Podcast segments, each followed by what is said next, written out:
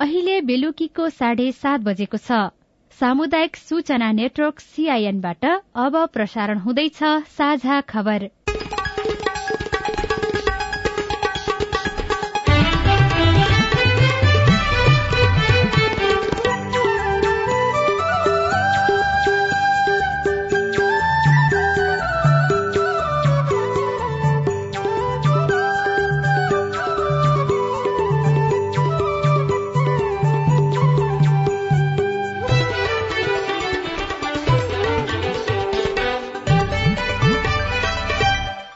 सीआईएनको साझा खबरबाट सोभिता रिसालको नमस्कार। साझा खबर देशभरिका सामुदायिक रेडियो सीआईएन खबर डट कम सीआईएनको फेसबुक पेज र मोबाइल एप सीआईएनबाट पनि सुन्न सकिन्छ।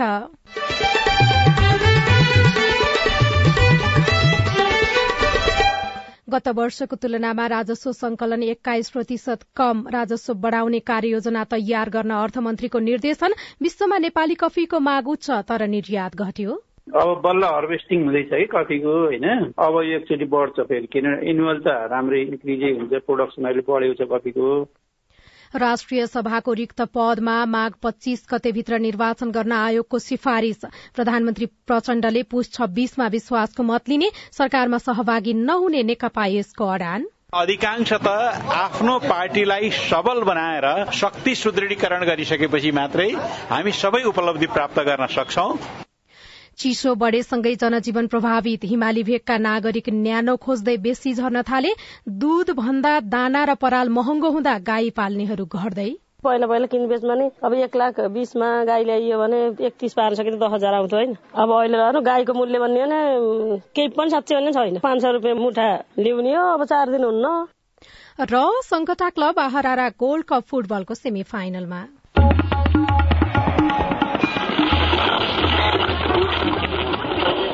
सयौं रेडियो। हजारौं रेडियो कर्मी र करोड़ौं नेपालीको माझमा यो हो सामुदायिक सूचना नेटवर्क सीआईएन अव्यवस्थित सड़क र पार्किङका लागि पर्याप्त ठाउँ नहुनाले काठमाण्डु उपत्यकाको ट्राफिक व्यवस्थापन अस्त व्यस्त हुने गरेको छ। यसले नागरिकको हैरानी मात्रै होइन प्रदूषण पनि बढ़ाइरहेको छ। पार्किङ व्यवस्थापनका लागि काठमाण्डु महानगरपालिकाले अघि बढ़ाएको टुँडीखेलमा भूमिगत पार्किङ बनाउने योजना विवादमा तानिएको छ। टुँडीखेल पनि मासिए खुल्ला क्षेत्र र शहरको कुसमुकुस अझ बढ़ने भन्दै विरोध भइरहेको छ। महानगरपालिकाले स्थानीय समुदायसँग समन्वय गरेर पार्किङको दिगो व्यवस्थापनको उपाय खोज नेपालबाट कफी निर्यात बीस प्रतिशतले घटेको छ। गत आर्थिक वर्षका शुरूका साढे पाँच महिनाको तुलनामा चालू आर्थिक वर्षको सोही अवधिमा नेपालबाट कफीको निर्यात बीस प्रतिशतले घटेको भन्सार विभागले जनाएको छ। गत आर्थिक वर्षका शुरूका साढे पाँच महिनामा तीन करोड़ अन्ठाउन्न लाख पन्ध्र हजार रूपियाँको नेपाली कफी निर्यात भएको थियो। तर गएको साउन यताका साढे पाँच महिनामा दुई करोड़ चौरासी लाख छब्बीस हजार रूपियाँको मात्रै कफी निर्यात भएको छ। यो त्रिहत्तर लाख उनानब्बे हजार हजार रूपियाँ कम हो। यस वर्ष सबैभन्दा धेरै जर्मनीमा एक करोड़ बयानब्बे हजार रूपियाँको नेपाली कफी निर्यात भएको छ। गत वर्ष भने नेपालले सबैभन्दा धेरै स्विजरल्याण्डमा कफी निर्यात गरेको थियो। गत वर्ष एक करोड़ बाहन्न लाखको कफी किनेको स्विजरल्याण्डले यस वर्ष भने नेपालबाट जम्मा दुई लाख नब्बे हजारको कफी मात्र किनेको छ। संसारमै उत्कृष्ट मध्ये एक मानिने नेपालको coffee Japan Australia America Korea Germany बेलायत क्यानाडा लगायतका देशमा निर्यात हुने गरेको छ। कफी निर्यात घट्नुको कारणबारे राष्ट्रिय चिया तथा कफी कफी बोर्डका कार्यकारी निर्देशक विष्णु प्रसाद भट्टराईले भन्नुभयो। अब बल्ल हार्भेस्टिङ हुँदैछ है कफीको होइन? अब एकचोटि बढ्छ फेरि किन एनुअल त राम्रै इन्क्रिजै हुन्छ प्रोडक्सन अहिले बढेको छ कफीको। त्यस्तो स्पेसिफिक केही कारणले भन्ने चाहिँ त्यस्तो होइन। अब त्यो ट्रेडर्सहरूसँग किन नभएको भन्ने चाहिँ सरसल्लाह गर्नुपर्ने छ खास। त्यस्तो पोलिसीगत हिसाबले उनी कन्ट्रीले कुनै त्यस्तो ट्रेडमा उ गरेको नेगेटिभ गरेको चाहिँ होइन त फेरि। अहिले पनि हाम्रो कफी स्पेसलिटी कफीको चाहिँ डिमान्ड चाहिँ बढेकै छ बाहिर है। बोर्डका अनुसार नेपालमा वार्षिक उन्तिस करोड़ पचहत्तर लाख मूल्यको चार सय चौतिस मेट्रिक टन कफी उत्पादन हुने गरेको छ। चालू आर्थिक वर्षको साढे पाँच महिनामा राजस्व संकलन लक्ष्य भन्दा पच्चीस प्रतिशत कम भएको छ। आन्तरिक राजस्व विभागका अनुसार गएको साउनेताका साढे पाँच महिनामा तीन खर्ब पचास अर्ब रूपियाँ राजस्व संकलन भएको हो। यो गत वर्षको यही अवधिको तुलनामा एक्काइस प्रतिशत कम हो। गत आर्थिक वर्षका शुरूका साढे पाँच महिनामा लक्ष्यको सैतिस प्रतिशत अर्थात चार खर्ब बयालिस अर्ब रूपियाँ राजस्व संकलन भएको थियो। यो वर्ष हरेक महिना राजस्व संकलन घट्दै गएको देखिएको छ। गत वर्षको तुलनामा साउन महिनामा बाह्र प्रतिशतले राजस्व संकलनमा कमी आएको थियो भने भदौमा चौध असोजमा अठार कार्तिकमा उन्नाइस र मंगिरमा बीस प्रतिशतले कमी आएको छ। साढे पाँच महिनाको अवधिमा सरकारको लक्ष्यको तुलनामा करिब दुई खर्ब रूपियाँले राजस्व संकलनमा कमी आएको विभागका सूचना अधिकारी राजु प्रसाद प्याकुरेलले बताउनुभयो। सीआईएनसँग कुराकानी गर्दै वरिष्ठ अर्थविद डाक्टर चन्द्रमणि अधिकारीले यसरी राजस्व संकलनमा कमी आउनुले देशको अर्थतन्त्रलाई नराम्रो असर पर्ने बताउनुभयो। यसले गर्दा के हुन्छ भने बजारमा पैसा झन् कमी हुन्छ ब्याङ्कहरूको लगानी क्षमता अझ घटेर जान्छ ब्याज दर झन् उच्च भएर जान्छ उत्पादनशील कार्यहरूमा मन्दी आउँछ। त्यस कारणले गर्दा यसबाट के थाहा भयो भने हामीलाई हाम्रो अर्थतन्त्र पनि मन्दीमा गयो भन्ने बुझ्नुपर्छ अब हामीलाई चाहिँ ऋण तिर्नलाई पनि पैसा हुँदैन। चालु खर्च गर्नलाई पनि पैसा हुँदैन।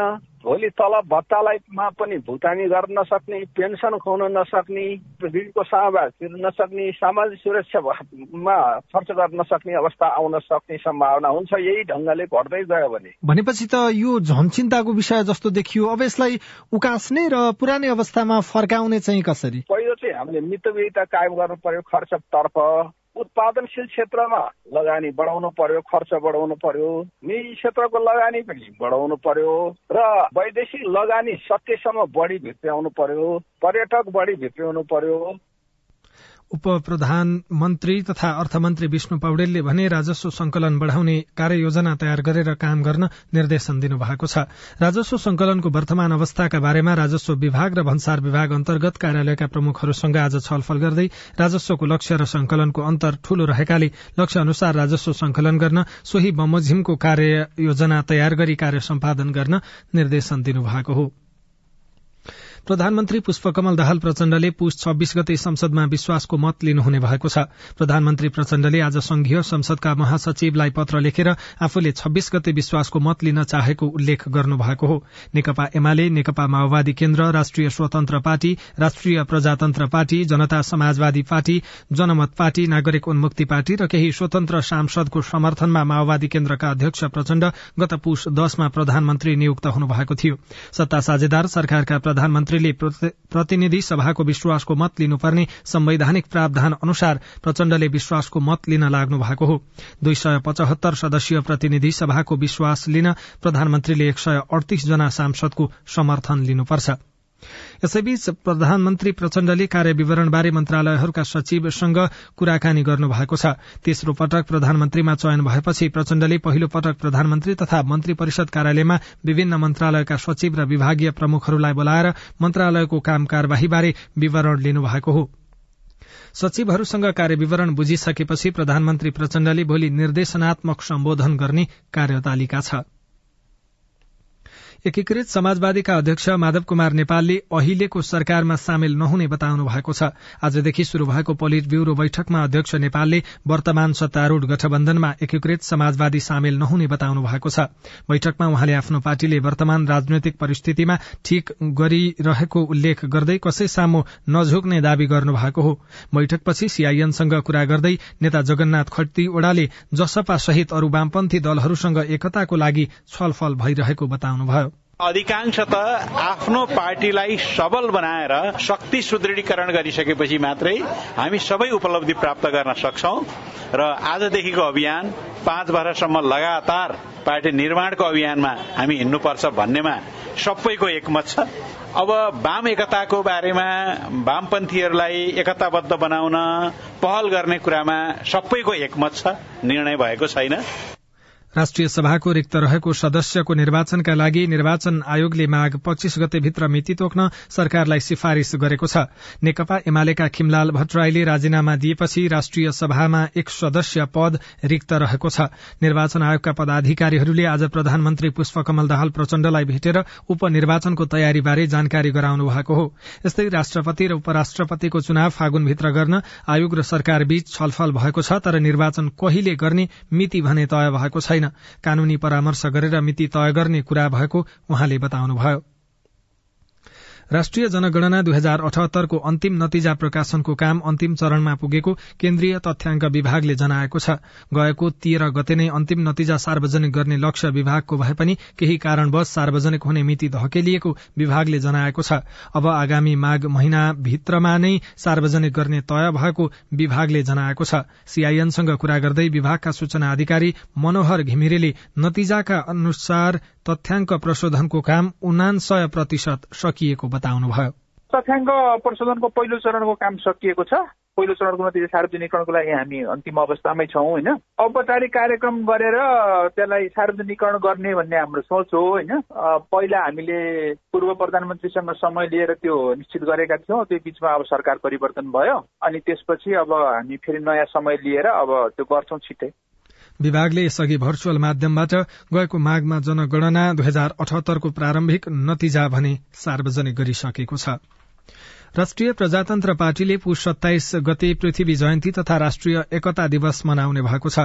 राप्रपाका अध्यक्ष राजेन्द्र लिङदेन सहित वर्षेको बैठकले सतहत्तरवटै जिल्लामा विभिन्न कार्यक्रम गर्न एक हजार एक सय एघार सदस्यीय मूल समिति र एघारवटा अन्य समिति गठन गरेको प्रवक्ता मोहन श्रेष्ठले जानकारी दिनुभयो। राप्रपाले पुष सत्ताइसमा राष्ट्रिय विदा दिन सरकारसँग माग पनि गर्दै आएको छ। साझा खबरमा अब विदेशको खबर। म्यानमारमा सन् दुई हजार बाइसमा सेनाको हमलामा परि एक सय पैंसठी बालबालिकाको मृत्यु भएको छ। देशको निर्वाचित विपक्षी राष्ट्रिय एकता सरकार एनयूजीद्वारा सार्वजनिक गरिएको तथ्याङ्क अनुसार सन् दुई हजार बाइसमा बालबालिकाको मृत्युको संख्यामा अठहत्तर प्रतिशतले वृद्धि भएको छ। एएनज्यू लागि महिला युवा र बालबालिका मामिला मन्त्रालयका प्रवक्ताले बम विस्फोट र हवाई आक्रमणलाई तीव्र बनाएको र विद्यालयलाई निशाना बनाएको आरोप लगाउनु भएको छ। साझा खबरमा अब खेल खबर संकटा फुटबल क्लब आहारा पोखरा गोल्ड कप फुटबलको सेमी फाइनलमा पुगेको छ। आज त्रिभुवन आर्मी क्लबलाई दुई एकले हराउँदै संकटा प्रतियोगिताको अन्तिम चारमा पुगेको हो। र नेपाल टी ट्वेन्टी लीगमा पोखरा एभेन्जर्सले काठमाडौँ नाइट्सलाई पाँच विकेटले हराएको छ। किर्तिपुरमा आज भएको खेलमा एक सय पैंसठी रनको लक्ष्य पोखराले उन्नाइस ओभर चार बलमा पाँच विकेट गुमाएर पूरा गर्यो। आजै भएको अर्को खेलमा फार वेस्ट युनाइटेडलाई जनकपुर रोयल्सले पराजित गरेको छ। एक सय बैसठी रनको लक्ष्य पछाएको फार वेस्टले अल आउट हुँदै उन्नाइस ओभर चार बलमा पाँच विकेट गुमाएर पूरा गरेको छ। अविनाश आचार्य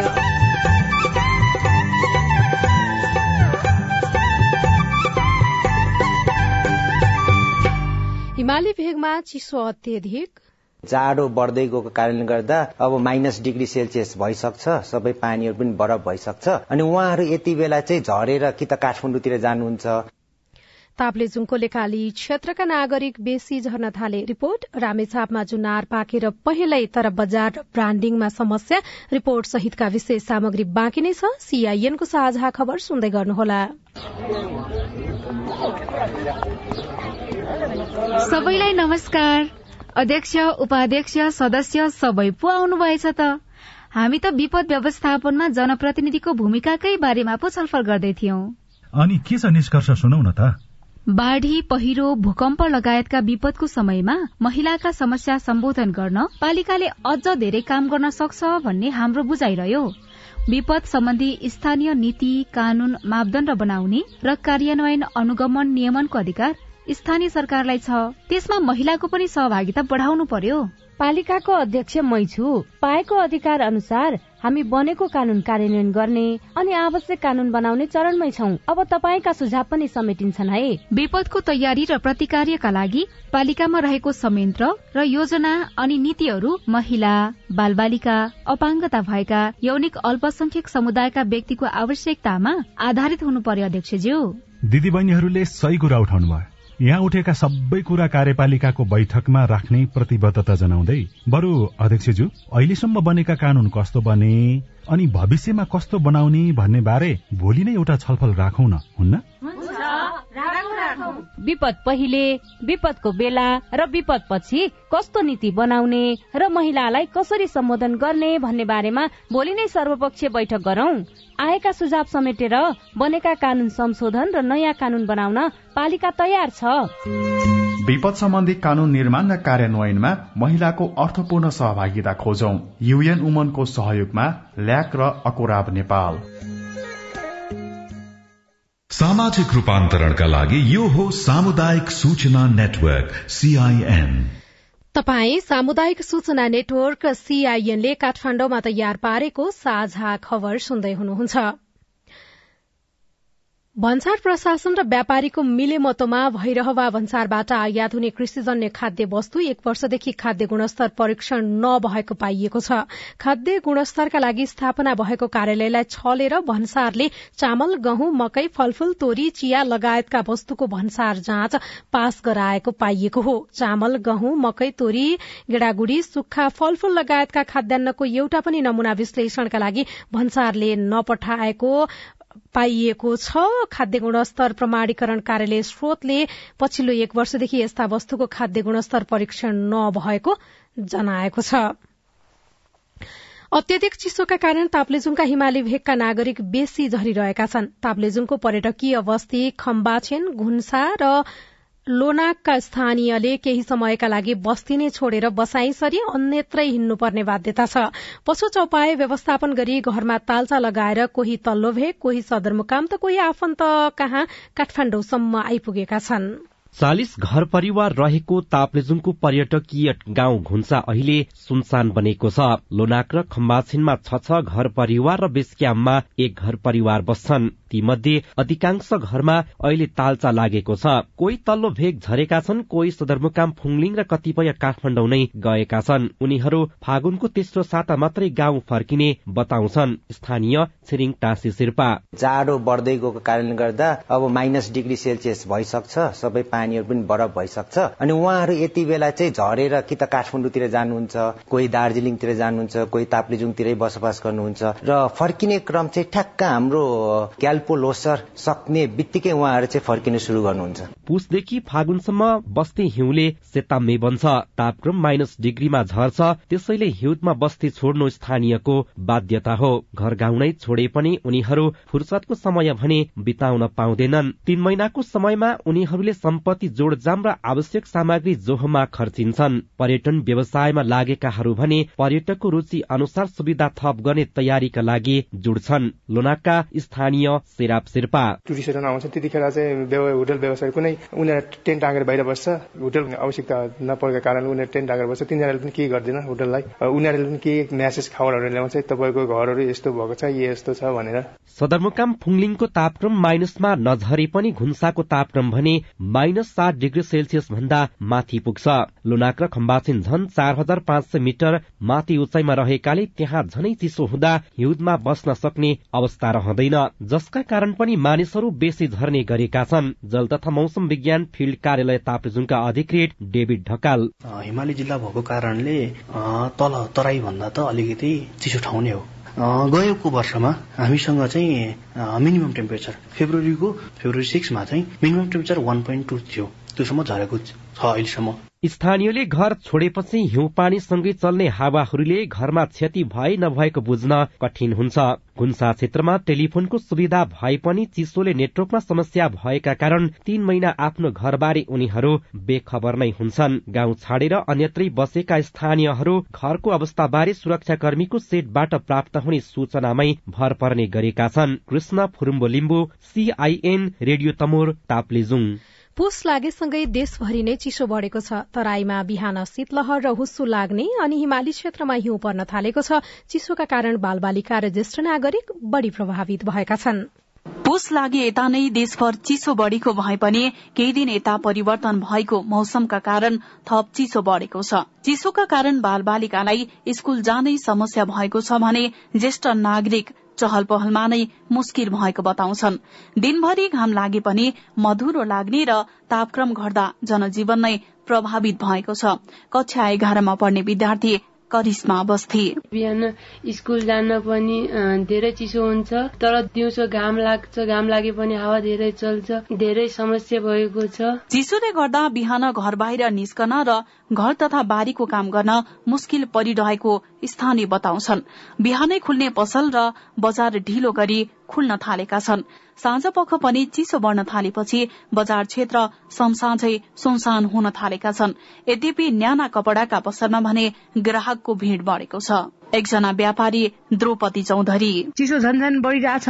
अब ग्राहकहरू पनि चिसो लुगा किन्ने ग्राहकहरू पनि अहिले ठिकै ठिकै छन् राम्रै छन् आइराखेकै छन्। चिसोकै कारण देखिएको समस्या लिएर अस्पताल पुग्ने बिरामीहरू पनि बढ़िरहेका छन्। चिसोसँगै दम निमोनिया रुगाखोकी ज्वरो लगायत रोगका बिरामी बढ़ेको डडेलधुरा अस्पताल डडेलधुराका medical superintendent doctor Chetraj Bhatt बताउनुहुन्छ। पेसेन्टहरू चाहिँ अलिकति बढ्दो क्रममा छ र अब बच्चाहरूमा स्पेसली अब यो निमोनियाहरूको इन्सिडेन्स चाहिँ अलिकति बढ्दो क्रममा छ। बाल बालिका वृद्ध वृद्ध मुटु मृगौला मधुमेह तथा अन्य दीर्घरोग भएकालाई चिसोले थप जोखिममा पार्ने भएकाले स्वास्थ्यको विशेष ख्याल राख्न डाक्टरहरूको सुझाव छ। न्यानो कपड़ा लाउन घाममा बस्न तातो र झोलिलो खानेकुरा खान डाक्टरहरू आग्रह गर्छन्। Bhawana Paudel CIN radio Amargadhi Dadeldhura. उपप्रधान तथा गृहमन्त्री रवि लामिछानेले चिसोकै कारण कुनै पनि नागरिकको मृत्यु हुन नदिने गरी काम गर्न सम्बन्धित निकायलाई निर्देशन दिनुभएको छ। आज सतहत्तरवटै जिल्लाका प्रमुख जिल्ला अधिकारी र जिल्ला सुरक्षा समितिका अधिकारीलाई उहाँले देशका विभिन्न ठाउँमा चिसोका कारण नागरिकको मृत्यु भएका घटनाप्रति आफ्नो ध्यान आकर्षण भएको भन्दै चिसोकै कारण नागरिकको मृत्यु हुने अवस्था आउन नदिन निर्देशन दिनुभएको हो। चिसो बढ़ेसँगै देशभरको जनजीवन प्रभावित भएसँगै मन्त्री लामिछानेले सुरक्षा अधिकारीलाई सत्र बुधे निर्देशन दिनुभएको गृह मन्त्रालयले जनाएको छ। तपाई सामुदायिक सूचना नेटवर्क सीआईएनले काठमाण्डुमा तयार पारेको साझा खबर सुनिरहनु भएको छ। रामेछापमा जुनार पाकेर पहिलै उत्पादन पनि बढ़्यो। खास गरी चिनारीको हिसाबमा रामेछापको जुनार असाध्यै गुलियो छ रामेछापको जुनार असाध्यै गुणस्तरीय छ रामेछापको जुनार असाध्यै क्वालिटीको छ। तर बजारको भने समस्या। रिपोर्ट देशभरि गाई पालन घट्न थाल्यो। दाना र परालको मूल्य घटाइदिन किसानको आग्रह। लगायतका सामग्री बाँकी नै छन्। सीआईएनको साझा खबर सुन्दै गर्नुहोला। होइन के सुनेको यस्तो ध्यान दिएर दोहोरो बोलेको जस्तो नै देख्दिन। तीन दुई एक शून्य शून्य क्या? तीन दुई एक शून्य शून्य? के हो त्यो भने? बुझिन त। ल सुन।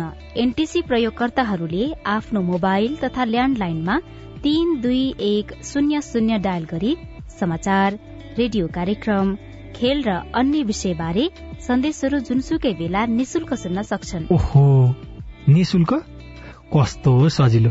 समाचार सुन्न छुट्यो भनेर पिर लागेको थियो। अब त म पनि सुनिहाल्छु। कति रे? तीन दुई एक शून्य शून्य। सामाजिक रूपान्तरणका लागि यो हो सामुदायिक सूचना नेटवर्क सीआईएन तपाई सामुदायिक सूचना नेटवर्क सीआईएनले काठमाण्डुमा तयार पारेको साझा खबर सुन्दै हुनुहुन्छ। जुनारका लागि प्रख्यात जिल्ला रामेछाप यति बेला जुनार पाकेर पहिलपुर भएको छ। जुनार उत्पादनको मुख्य क्षेत्र रामेछाप नगरपालिकाको ओख्रेनी गाइटार सुकाजोर रामपुर हिमगंगा लगायतका स्थानमा किसानका बगैँचा जुनारले पहिलपुर बनेपछि जुनार किन्ने र बगैँचा घुम्न पुग्नेहरू पनि बढ़ेका छन्। जुनारको जिल्ला भनेर चिनिने रामेछाप यति बेला जुनार पाकेर पहेलपुर छ। जुनार उत्पादनको मुख्य क्षेत्र मानिने रामेछाप नगरपालिकाको ओख्रेनी गाईटार सुकाजोर रामपुर हिमगंगा लगायत स्थानमा किसानका बगैँचा जुनारले पहेलपुर बनेपछि जुनार किन्ने र बगैँचा घुम्न पुग्नेहरू बढ़ेका छन्। ए ग्रेडको बी ग्रेडको चाहिँ अब बजारतिर राम्रै रेट पाएको छ। अब हामीले चाहिँ मार्केटमा अहिले चाहिँ यो वर्ष यो वर्ष मात्रै होइन विगतमा पनि त्यस्तो समस्या थिएन। त्यसले गर्दाखेरि अहिले हामीले चाहिँ सोचिया जस्तै जुनारमा चाहिँ आमदानी भइरहेको छ। हाम्रो यहाँ हुने मकै र कोदो हो त्यसको तुलनामा चाहिँ दस गुणा नै बढी फाइदा छ। रामेछापमा लगभग चार सय किसान व्यावसायिक रूपमा जुनार खेती गर्दै आएका छन्। रामेछापमा एघार सय पचहत्तर हेक्टर क्षेत्रमा व्यावसायिक रूपमा जुनार खेती भइरहेको छ जसबाट प्रतिवर्ष तेह्र हजार मेट्रिक टन बढ़ी जुनार उत्पादन हुन्छ। बगैँचामा नै आएर आफै जुनार टिपेर खाने तथा किन्नेहरू अहिले बढ़िरहेका छन्। खास गरी चिनारीको हिसाबमा रामेछापको जुनार असाध्यै गुलियो छ रामेछापको जुनार असाध्यै गुणस्तरीय छ रामेछापको जुनार असाध्यै क्वालिटीको छ रामेछापको जुनारमा रोग किरा छैन भन्ने खालको कुरा सन्देश यो वर्ष हाम्रो यो लटरमा फलेका बगैँचाहरूले पनि पुष्टि गरेको छ। त्यस कारणले अब यसलाई काठमाडौँसम्म पुर्याएर यसको प्रडक्सनलाई सँगै बजारीकरणले उच्च मूल्य चाहिँ लिन सक्नुपर्छ। अघिल्लो वर्षहरूमा जुनारमा केही रोग किरा देखिएको भए पनि यो वर्ष किरा देखिएको छैन। प्रधानमन्त्री आधुनिकीकरण परियोजना परियोजना कार्यान्वयन इकाई रामेसापको जुनार जोन मार्फत रोग नियन्त्रणमा सहयोग पुगेकाले नब्बे प्रतिशत भन्दा बढ़ी रोग नियन्त्रण भएको किसान बताउँछन्। जसको कारण यो वर्ष जुनारको उत्पादन पनि बढ़ेको छ। उख्रिनीका जुनार किसान हिमाल तामाङ। प्रधानमन्त्री कृषि आधुनिकरणबाट पनि सहयोग पाएको यो प्रोटिन बेडको धेरै ट्याम ट्याममा छर्ने भनेर चाहिँ उहाँ हकिम साहब आफै लागि पर्ने कारणले पनि यो नझरेको अवस्था छ। जुनार उत्पादन क्षेत्रमा घुम्न पुगेका पर्यटकहरूले पनि रामेछापको पहिचानको रूपमा रहेको जुनार गुणस्तरीय र मिठो भएको प्रतिक्रिया दिने गरेका छन्। यहाँको उत्पादन काठमाडौँ सहितका मुख्य शहर र विदेशसम्म निर्यात गर्नुपर्ने उनीहरू बताउँछन्।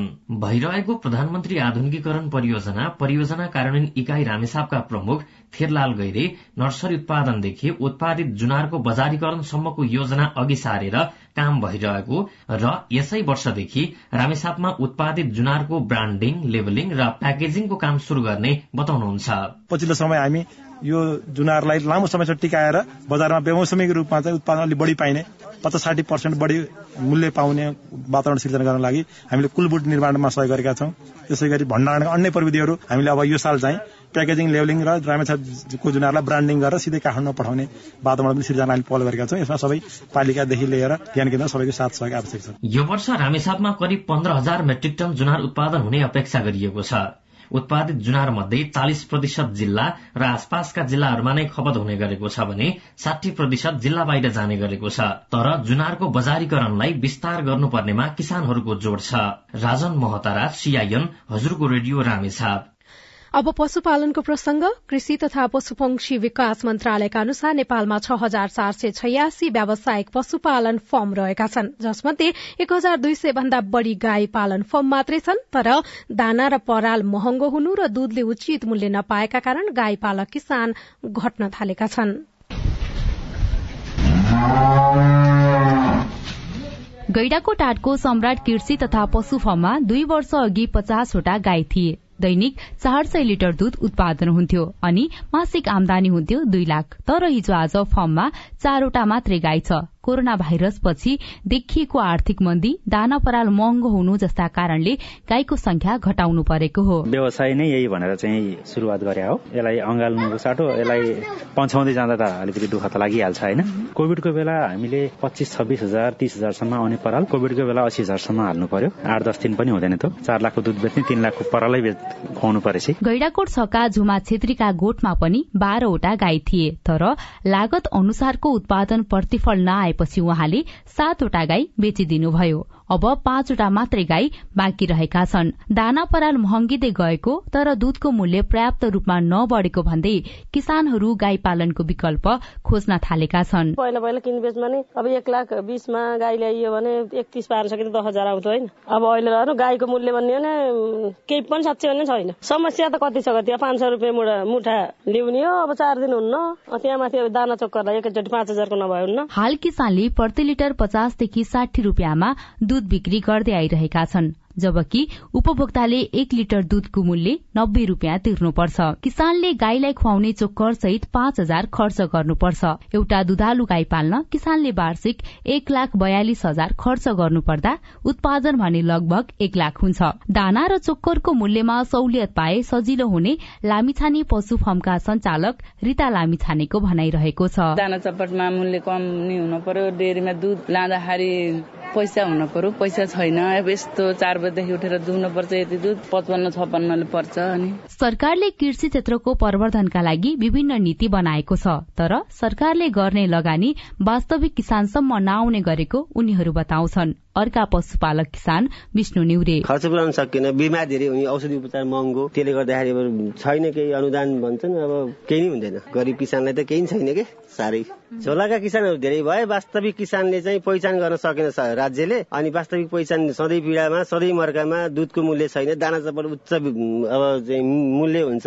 पराल तपाईँको चाहिँ बाइस पच्चिस रुपियाँ किलो पराल हुन्छ। दुध चाहिँ पचास रुपियाँ लिटर बेच्नु पर्ने हुन्छ। देशभर जस्तै गैडाकोटमा गाई फर्महरूको संख्या घटिरहेको छ। गैडाकोट नगरपालिकामा पाँच सय सोह्रवटा गाई भैँसी फर्म सञ्चालनमा छन्। अधिकांश फर्महरूले विस्तारै गाईको संख्या कम गराउँदै लगेका छन्। गाई पालक किसानलाई प्रोत्साहन गर्न नगरपालिकाको कुनै योजना छ।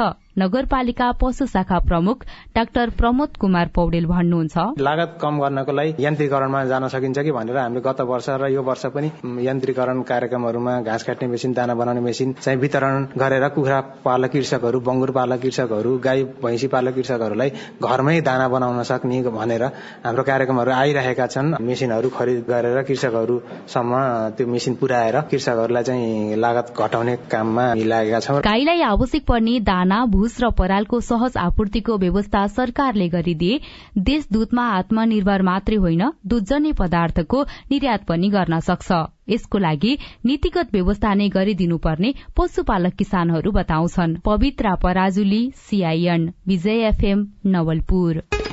गत वर्षको तुलनामा राजस्व संकलन एक्काइस प्रतिशत कम भएको छ। राजस्व बढ़ाउने कार्ययोजना तयार गर्न अर्थमन्त्रीले निर्देशन दिनुभएको छ। विश्वमा नेपाली कफीको माग उच्च छ तर निर्यात घटेको छ। प्रधानमन्त्री प्रचण्डले पुष छब्बीसमा विश्वासको मत लिनुहुने भएको छ। सरकारमा सहभागी नहुने नेकपा यसले अडान कायमै राखेको छ। चिसो बढ़ेसँगै जनजीवन प्रभावित भएको छ। हिमाली भेगका नागरिक न्यानो खोज्दै बेसी झर्न थालेका छन्। र दूधभन्दा दाना र पराल महँगो हुँदा गाई पाल्नेहरू घट्दै गएका छन्। हवस् त आजलाई साझा खबरको समय सकियो। प्राविधिक साथी सुरेन्द्र सिंहलाई धन्यवाद। भोलि पुस उन्नाइस गते बिहान छ बजेको साझा खबरमा फेरि भेटौँला। अहिलेलाई सोभिता रिसाल पनि विदा हुन्छु। नमस्कार शुभरात्री।